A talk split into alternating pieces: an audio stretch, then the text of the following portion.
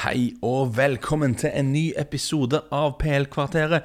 En podkast med meg, Lars Sivertsen, fortsatt i samarbeid med Betson. Det er, det er sein tirsdag kveld. Jeg ser på klokka, det har faktisk allerede blitt eh, onsdag morgen, men det får, det får gå. Og, og, vi er allerede i gang med midtukekamper i, i Premier League. Eh, spennende ting. Det er desember, det store vinterkjøret er her. Eh, og, og her i England så er det litt oppstandelse fordi kampene de blir vist på Amazon Prime denne uken.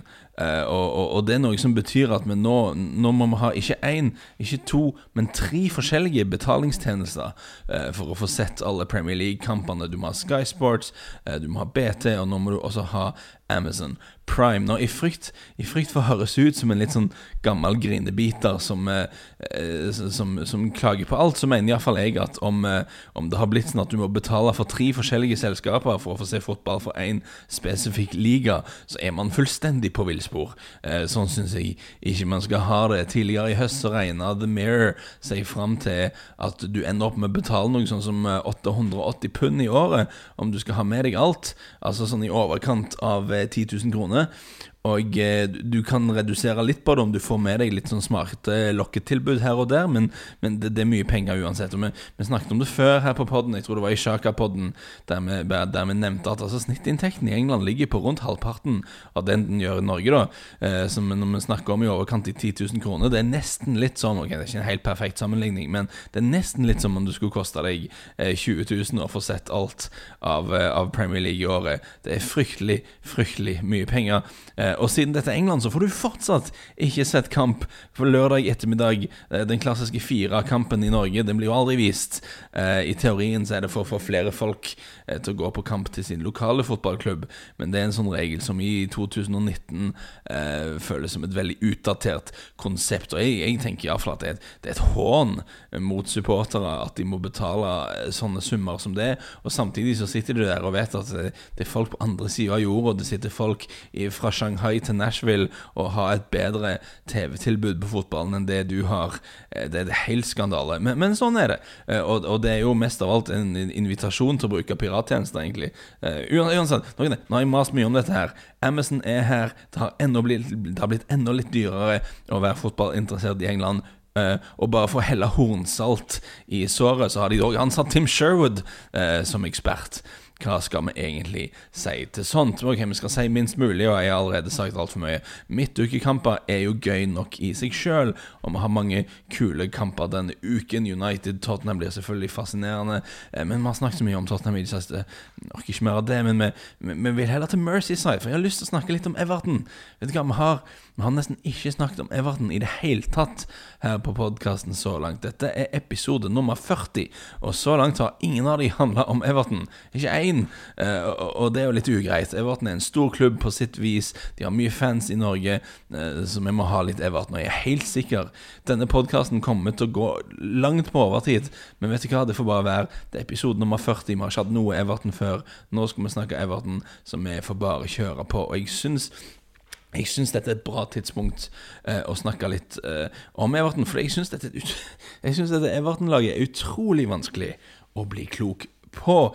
Det, det, det, det, er vanskelig å liksom skjønne hva det er det går i.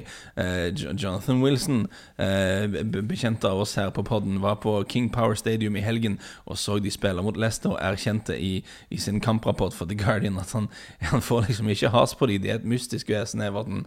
Uh, og jeg har sett Everton en del kamper denne sesongen sjøl, og du har liksom noen kamper der jeg har vært helt vaske og uinteresserte. Og så har du hatt andre kamper der de har kjempa godt og jobba bra og alt det der. Eh, brukbare i noen kamper, helt elendige i andre. Vanskelig å se noen rød tråd, egentlig, men nå ligger de på 17.-plass etter 14 kamper og har et forferdelig kampprogram de neste par ukene. Eh, det skal nok litt til at eh, trener Marco Silva overleve dette her. Og vi har en sånn, eh, en sånn running gag, som det heter på godt norsk, i, i The Guardians fotballpodkast, der vi snakker om at syvendeplassen i, i Premier League, altså det beste laget utenfor topp seks, det er The Everton Cup. Eh, og sånn som de jo ligger an nå, så er jo Everton er hekta helt av i, i, kampen om The Everton Cup. De har jo ikke sjanse i det hele tatt. Eh, Everton har faktisk ikke kommet på sjuendeplass sånn kjempeofte, eh, men de har en syvendeplass og to åttendeplasser de siste tre årene. Før det så var det i to sesonger på ellevteplass, men i de åtte åtte sesongene før det havna Everton hvert år et sted mellom femte- og åttendeplass. Eh, så Everton har altså havna et sted mellom åttende- og femteplass i elleve av de siste 13 sesongene. Eh, så de har nokså konsekvent vært et av de beste lagene som ikke klarer å kvalifisere seg til Champions League. Det er det som har vært Evertons eh, posisjon, og det, det, er fullstendig logisk at det er sånn. Everton har den syvende største omsetningen i Premier League og det syvende største lønnsbudsjettet, så at de ligger og vraker liksom rundt sånn åttende-syvendeplass, det, er jo fullstendig logisk. Så, så, selv om det har gått eh, fullstendig åt skogen resultatmessig akkurat denne sesongen, eh, så syns jeg at et, eh, et, nyttig utgangspunkt for å diskutere Everton og hva de holder på med, eh, og, og er at eh, er at de er et lag som går inn i hver sesong med en målsetning om å, om å, fortsette å være best of the rest, selvfølgelig, men om å slå litt oppover. Eh, om å være best mulig forberedt på å utnytte eventuelle feilskjær fra, fra klubbene over de i det økonomiske hierarkiet i, i, fotballen i England, og prøve å sette sammen et lag som kan overraske, eh, presis sånn som Leicester holder på med denne sesongen. Eh, og som på sikt, altså Evertons målsetning på sikt, er jo å gjøre eh, presis det som Tottenham har klart, altså melde seg inn i, i Champions League-selskapet nokså regelmessig uten å ha en sånn mangemilliardær eh, som spytter inn en haug med penger. Når det er sagt, eh, så har faktisk Everton en, en, veldig rik mann i ryggen i form av Farad Moshiri, eh, klubbens hovedeier, som er en britisk-iransk investor som bor i Monaco. Selvfølgelig gjør han det. Eh, ifølge Forbes er han verdt 1,7 milliarder dollar. Eh, men, men Moshiri det er en ting, men Moshiri er han òg nær venn av Elisha Ruzmanov eh, som lenge forsøkte å kjøpe Arsenal. Eh, Moshiri skal ha kjent Usmarov siden 90-tallet og har vært både hans eh, rådgiver og hans revisor, visstnok, på et eller annet tidspunkt. Eh, og, og de, de, to ble gode venner, de ble forretningspartnere. Eh, Usmanov anses å være verdt 12 eh, milliarder dollar, så da begynner det å ligne på noe pengemessig. Så ok, Moshiris eierskap betyr at Everton har teoretisk sett tilgang til ganske mye penger. Og, og, og, samtidig så ser vi i det forrige regnskapsåret som vi har offisielle tall fra, altså 2017-2018-sesongen, at Everton brukte 77 eh, av omsetningen sin på lønninger. Eh, og det er et høyt tall. Eh, hvis, hvis jeg hadde eid en fotballklubb, så hadde jeg vært veldig stressa over at 77% av omsetningen røyk ut i lønninger. Men, men grunnen til at Everton har følt at de kan forplikte seg til et så høyt utgiftsnivå på spillerstallen, er jo at de vet at de har en eier med nokså seriøse penger i ryggen der. Men, men uansett, uansett, om du har syvende høyeste omsetning i divisjonen, og du bruker 77% av omsetningen på spillerlønninger, så er ikke det noe du gjør eh, fordi du tror dette er en bra modell, eh, fordi du tenker at jeg skal fortsette å liksom surre rundt eh, utenfor eliten og bare bruke alle pengene på, på lønninger. Det, det, det, er noe du gjør fordi du ønsker å slå oppover, eh, fordi du prøver å sette sammen sammen en stall som kan utfordre Champions League-klubbene, eh, og som potensielt sett eh, kan tjene mer penger på sikt, sånn at de faktisk kan liksom eh, dekke disse utgiftene. Og i mitt hode så er det liksom bakgrunnen til Everton når de går inn i en ny sesong. Men her er vi altså nå, det er desember, de er på 17.-plass, og jeg tenker at ok, det er to spørsmål vi bør stille. Et av de handler om det som middels perspektiv, og det andre om et mer sånn korttidsperspektiv. Og vi kan begynne med Everton i et sånn middels eh, type perspektiv, hvorfor eh, er det egentlig Hvorfor er de så langt unna eh, å klare topp seks eller å klare Champions League? Hvorfor har de ikke kommet nærmere? Selv om de faktisk bruker litt penger. Ok, Ved siste regnskapsår, som er nevnt, 2017-2018, eh, så brukte de nesten like mye penger på spillerlønninger som det Tottenham gjorde når de er et godt stykke unna topp seks-klubbene rent økonomisk, men de har forplikta seg til noen ganske heftige utgifter. Hvorfor har de ikke gitt mer resultater? Vel, altså, jeg ser på den Everton-troppen, og jeg tenker mest av alt på noe Martin Joll sa eh, da han var Tottenham-sjef for en del år tilbake siden. Eh, og, og, Beklager at jeg snakker så mye om Tottenham nå, vi har hatt mye Tottenham på podden i det siste, men jeg syns det er et veldig relevant eh, sammenligning å trekke, fordi Everton jo prøver å gjøre det Tottenham har lykkes i å gjøre de siste fem årene. Uansett, Martin Joll snakket om at problemet med å, å klare å kvalifisere seg for Champions League når du er utenfor den absolutte eliten, da, eller topp fire, er at du trenger et par virkelige toppspillere som kan heve laget opp til det, det nivået, som kan virkelig vippe kamper i, i, i din favør.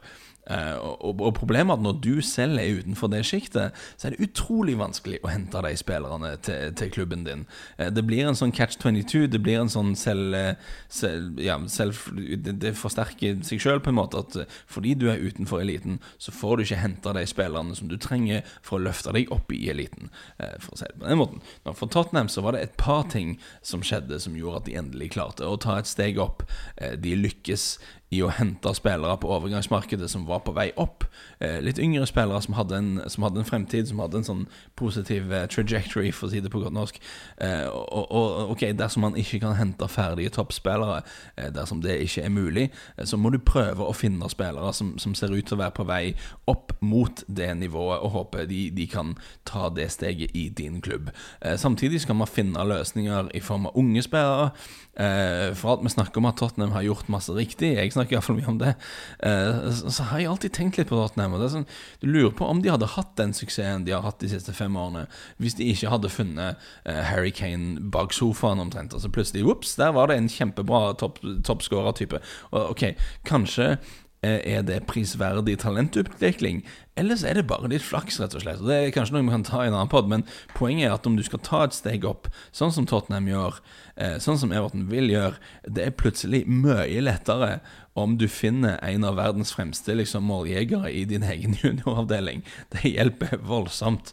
Eh, men uansett, den siste puslespillbrikken du trenger, er å få, på plass riktig manager og finne en leder som kan, som kan gjøre laget til mer enn summen av dens ingredienser. Det er noe du sannsynligvis er nødt til å, å få til. Og ok, i Evertens tilfelle dersom du ser på den stallen de har samla sammen, så virker det på meg som om de har prøvd eh, en del å gjøre noen av disse tingene. Everton har faktisk henta spillere som, som har virka som om de er på vei opp. Eh, så, så, de har de siste årene henta flere spillere. Som du ser på dem, så tenker du ok, disse kan utvikle seg til å bli veldig gode. Bare se på alderen på spillerne de har henta til A-laget. Moise Kene, 19 år, har ikke funka ennå, men du så glimt av noe i Juventus. Du skjønner, du skjønner tankegangen der. Richarlison, ok, på sitt beste i Watford, så så du at der er det virkelig noe. Han er 22, han kan være på vei opp. Alex Iwobi, jeg liker Alex Iwobi bedre enn de fleste, iallfall. Og det finnes òg en sånn statistikk. Eh, folket ser jeg òg er litt fan av han. Altså, han gjør ganske mye bra på banen. Er fortsatt 23, kan fortsatt ta steg opp. Jeremina var vel 24 år da de henta han. Ok, han fikk det ikke helt til i Barcelona, men det er ikke greit å være midtstopper i Barcelona heller. Kan liksom ha noe i seg. Pickford var i 23-24 noe sånt når de henta han. Så de har henta en del spillere som er liksom i den yngre sånn eh, bracketen, da. Du, du, kan så Altså André Gomez, når de henta han, han hadde vist det Valencia før, at det bor veldig mye bra i han. Ok, det funka ikke i Barcelona. Igjen, Barcelona er ikke en lett klubb å lykkes i. Men når han var på Everton i fjor, så Når han var på lån til Everton i fjor, så, så gjorde han mye bra, og han var ikke noe dumt kjøp. Lucadin lykkes ikke helt i Paris Saint-Germain eller Barcelona, var kanonbra for Everton i fjor. Michael Keane eh, syns jeg viste mye nok i Burnley til at det er helt fair å tenke at ok, kanskje hvis du henter han til en litt større klubb, så kan han ta et steg opp. Eh, Bernard er alltid ustabil, men har vist glimt av veldig bra ting for Sjaktar. Eh, de henter han uten å uten noen overgangssum, ganske heftige lønninger, men det er et helt fair langskudd for Everton å ta. Så når du går gjennom stallen der, så er det mange sånne Du ser tankegangen da, ideen at man skal hente litt yngre spillere som er på vei opp. Ok, Cheng Tåsund, Theo Walcott, det er litt sånn dyre etterlevninger fra Sam Allardyce-opplevelsen. Eh, mens i Gylfi Sigurdsson da, så har du iallfall en veldig glimrende eh, spiller som de kjøpte når han var nær sin peak, og de betalte mye penger for han, men om han blir brukt riktig, så er det ingen tvil om at han er en helt sånn topp, topp Premier League-spiller. Og du har òg da sånn luskende i bakgrunnen et par unge spillere. Tom Davies, Dominic Calvert-Lewin, Mason Holgate. Det er spillere som iallfall har vist nok til at jeg syns de fortjener å, å, få en del spilletid i Premier League for å vise at de har noe der å gjøre. Så OK, du ser på dette Everton-laget. De har en spiller i Gylfi Sigurdsson som er outstanding om han blir brukt riktig. Du har spillere her og der som kanskje er litt eh, på vei ned, som kanskje ikke bør vært der, som, som Delfor Schneiderland og sånn, men størsteparten av stallen deres er faktisk spillere som, som enten har vært eh, tydelig på vei opp, eller som har vist andre steder at de ha, kan ha noe på det her nivået å gjøre, på det aller høyeste nivået, nivået Everton sikter på å være på. Så Everton, i, i mitt hode iallfall, så har Everton gjort en del ting eh, som i teorien bør være ganske smart. Um, Men det er vel sånn at eh, når, det, når man først investerer i potensialet, når du bruker ganske mye penger eh, på spillere fordi de ser ut som de er på vei opp, da er du litt avhengig av at noen av de faktisk slår til. Altså, du er avhengig av at eh, at noen av de tar steget opp, og igjen får trekke den her Tottenham-sammenligningen Ja, vet du hva, alarmen må bare gi seg, for jeg har masse mer jeg har lyst til Vi får bare gå langt på overtid her.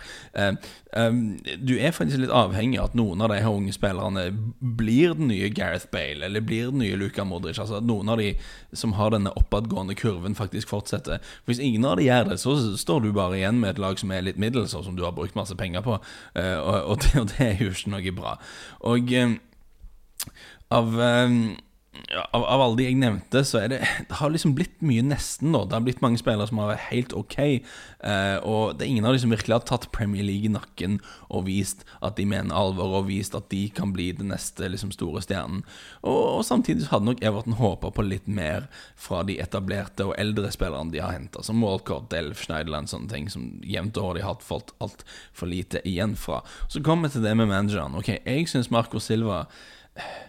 han er en utrolig mystisk type. da Altså Han har en sånn CV, en sånn karriere, som gjør at det er veldig vanskelig å si noe i den ene eller andre retningen, for å være helt ærlig.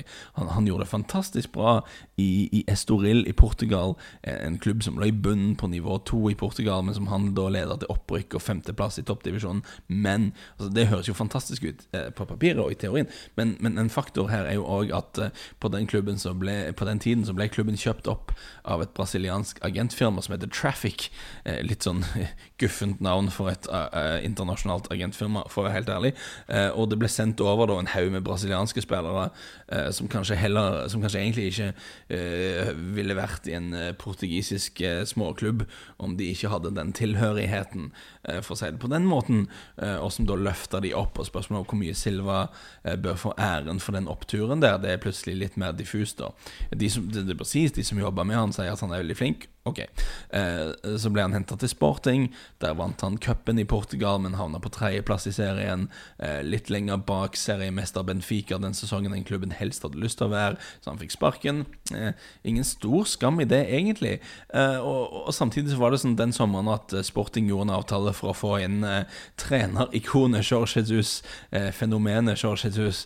og når Porting, Sporting først skulle ha inn han, så er det jo logisk nok at unge, umeritterte Marco Silva måtte ut, uavhengig om han hadde gjort en god jobb eller ikke. sånn egentlig Så det er en sånn sparking som, eh, som jeg tror ikke egentlig reflekterer sånn voldsomt negativt på han. Etter det dro han til Olympiakos, vant serien. Eh, det gjør de fleste. Så tok han over Hull City. De lå an til å rykke ned uansett hva som skulle skje. De spilte noen bra kamper under hans ledelse, men rykka ned til slutt. Han gikk så til Watford.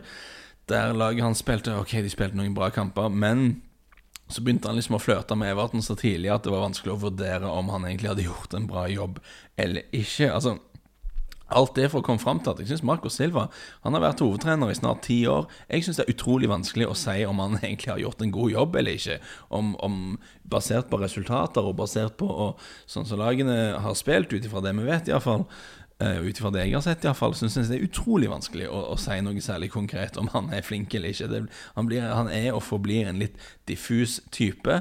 Og, og, og, sånn har det også vært i Everton. Helt siden han tok over Everton. De har hatt noen kamper der de ser bra ut. De har hatt perioder der du tenker at her, nå er de litt på gang. Men så har de òg hatt kamper der de har vært helt forferdelige, og, og jevnt over så har resultatene ikke vært gode nok. Og da kommer vi da til det andre perspektivet jeg nevnte, korttidsperspektivet. Og det syns OK dette var Everton Altså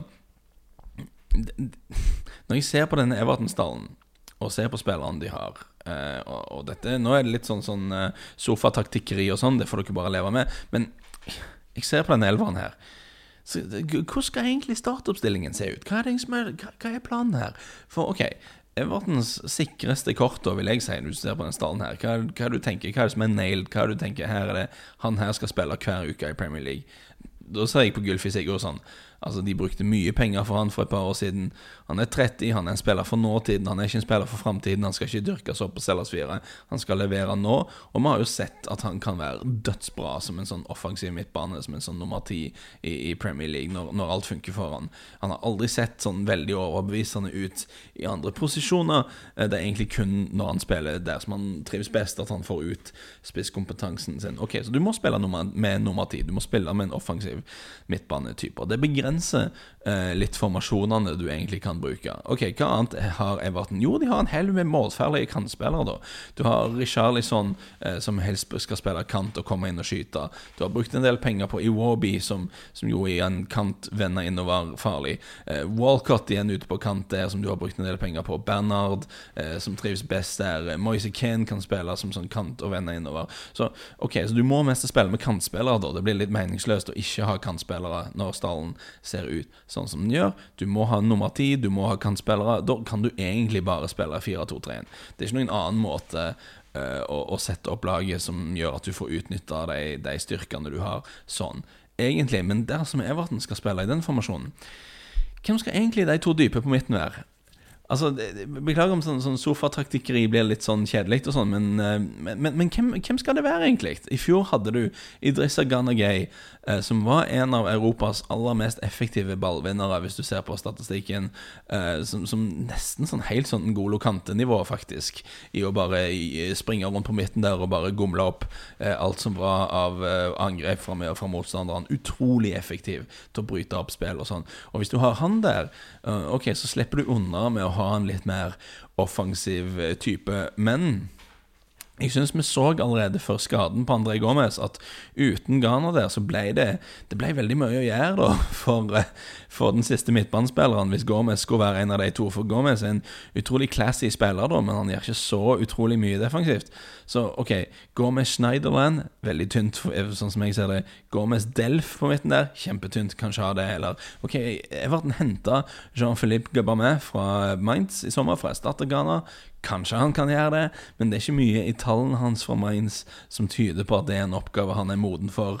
Eh, jeg skal ikke påstå at jeg ser Mainz på ukentlig basis, men jeg har heller aldri hørt han omtalt som en sånn potensiell ballvinner i europatoppen av de som følger Bundesliga tettere enn meg. Det kan være jeg tar feil der, men for meg så er det iallfall et langskudd å si at han kan komme inn og erstatte Ghana eh, like for like der, og nå er han uansett langtidsskada. Så jeg forstår ikke helt eh, hvordan du kan ta to av Schneiderland, Delf og Tom Davies og få den 4-2-3-informasjonen til å funke. Eh, jeg tror du ender opp med en midtbane som blir overkjørt av ganske mange motstandere. André Gomas er en classy, veldig classy spiller. Utrolig synd at han fikk den skaden han fikk. Men igjen, han er liksom litt i letteste laget til den rollen, han òg. Dersom du spiller 4-3-3 og bruker tre av de på midten, så kan det kanskje funke bedre, men da har du igjen spørsmålet hva skal du egentlig gjøre med Gylfi Sigurdsson? Eh, hans naturlige posisjon eksisterer plutselig ikke lenger. Eh, du kan kanskje omskolere han, men han er jo da til syvende og sist kanskje det fremste offensive våpenet du har om han blir brukt i riktig posisjon. Har du lyst til å bruke han i en annen posisjon? Det, blir en sånn For meg så blir det Everton-laget en sånn Det blir sånn rart puslespill. Det er utrolig vanskelig å få Det, det er utrolig mange brikker der som ser bra ut, men jeg skjønner ikke helt hvordan det skal gå opp, egentlig. Og de mangler jo òg en midtspiss da, som virkelig gjør jobben på topp. Jeg hadde veldig tro på at eh, Cenk Tåsund eh, skulle, skulle, få det til. Jeg er nødt til å bare stikke fingeren i jorda og erkjenne at jeg tok feil der. Eh, han er en, han er en bra avslutter, egentlig, men han gjør for, lite, eh, gjør for lite ut av seg. Det ser ikke ut som det kommer til å skje for han. Eh, Everton, Richarlison kan være der, men trives best på kanten. Calvert Lewin gjør ganske mye bra, men skårer ikke nok mål. Eh, vi kan snakke opp og ned i detalj om dette Everton-laget, og det merker jeg at jeg har gjort nå. Dette blir en veldig lang podkast, men jeg lurer jo på hvor de hadde vært egentlig hvis de hadde Raúl Jiménez eller Tammy Abraham eller Jamie Vardy eller sånn, sånn på topp. En, spiss som, som, som, jobber og, og, og skårer på sjansene sine. Eh, hvor, hvor, mange av disse problemene hadde bare løst seg om de hadde en kanonbra spiss på topp?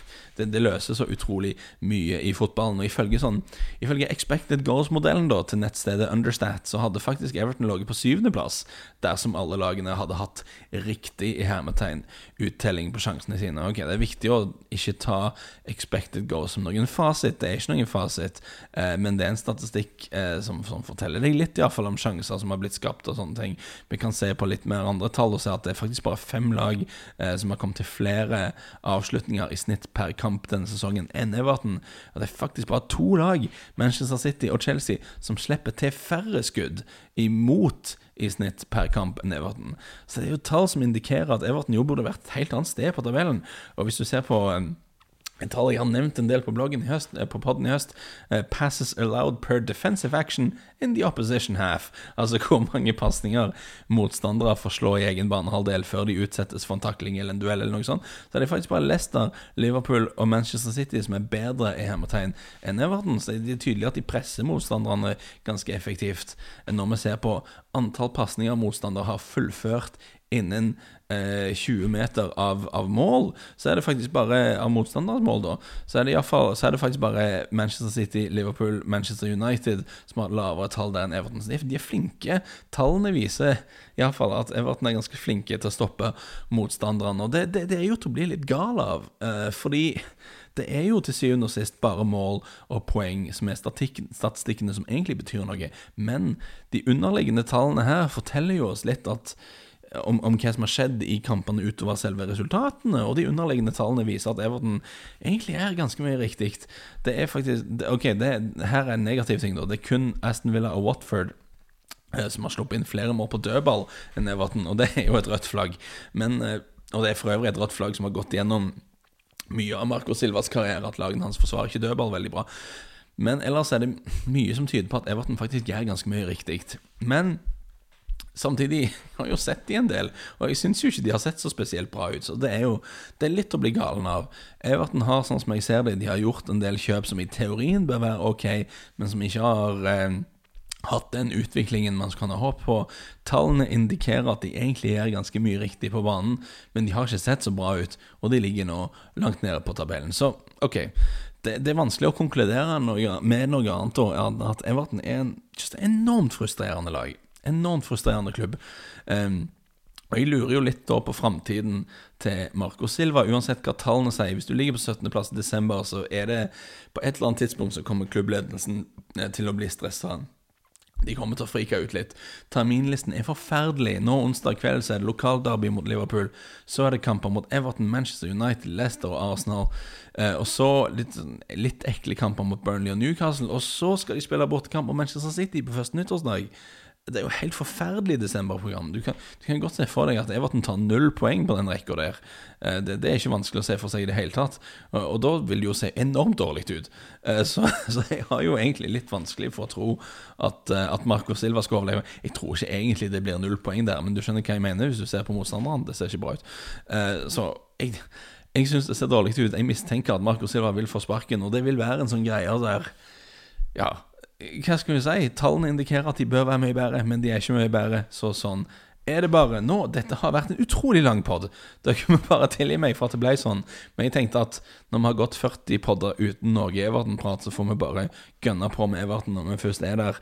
Eh, vi tar en spillbit helt på slutten der. Alarmen gikk for en liten evighet siden.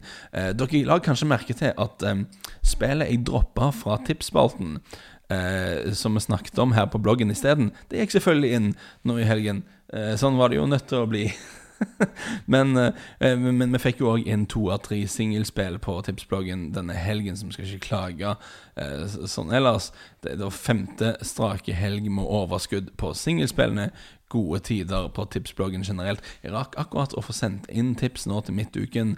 Eh, de er sannsynligvis ute på Betson-bloggen når dere hører på dette. Eh, vi kan ta et av de her. Og siden vi har snakket om Everton nå i en liten evighet, så skal vi snakke om Mercyside Derby. Jeg skal ta det litt sånn raskt nå. Begge lag har skåra uh, ja, i, i um, i 12 av Liverpools 14 kamper så har det blitt mål til begge lag. Men vi snakker mye om at Liverpool har blitt så mye bedre defensivt. Van Dijk er bra og sånn, men de, men de, sliter veldig med å holde nullen. Her har de Adrian i mål istedenfor Alison. Jeg tror ikke akkurat det hjelper Everton på sin side har faktisk skåra i åtte av sine ti siste kamper. De har skåra i seks av sine syv siste bortekamper. Så du har et Liverpool-lag som nesten alltid slipper inn, som ikke er til å stole på defensivt. Og du har et Everton-lag som pleier å skåre, eh, selv om de kødder og sliter litt sånn ellers. Så ok, jeg tenker da begge lag skårer til 1,85 i odds. Eh, ganske ok, det er interessant. Hvis du har lyst til å spille på den, så er jo det tommel opp fra min side. Jeg skal ikke si nei. Uh, men jeg vil jo faktisk gutse litt. Uh, har vært konservative med tipsinga i hele sesongen. Det har gått bra. Men nå, nå vil jeg gutse litt, for, for, selv om de slipper inn mål, så har jo Liverpool vunnet alle hjemmekampene sine denne sesongen. Uh, og jeg tror ikke Everton har det i seg til å bryte den trenden. Så jeg vil ha Liverpool-seier pluss begge lag skårer i denne kampen. Og det er så, så mål i begge ender, og Liverpool vinner til slutt. Det får du 2,75 i odds på det er litt mer gutsy enn vi pleier å ha det på denne tipsinga. Jeg pleier å safe litt mer, men vet du hva, det er midtuke, det er litt sånn frost, frost i lufta, det har gått bra i det siste. Vi får kjøre litt på. Jeg liker spillet. Yolo, la oss bare gå for det.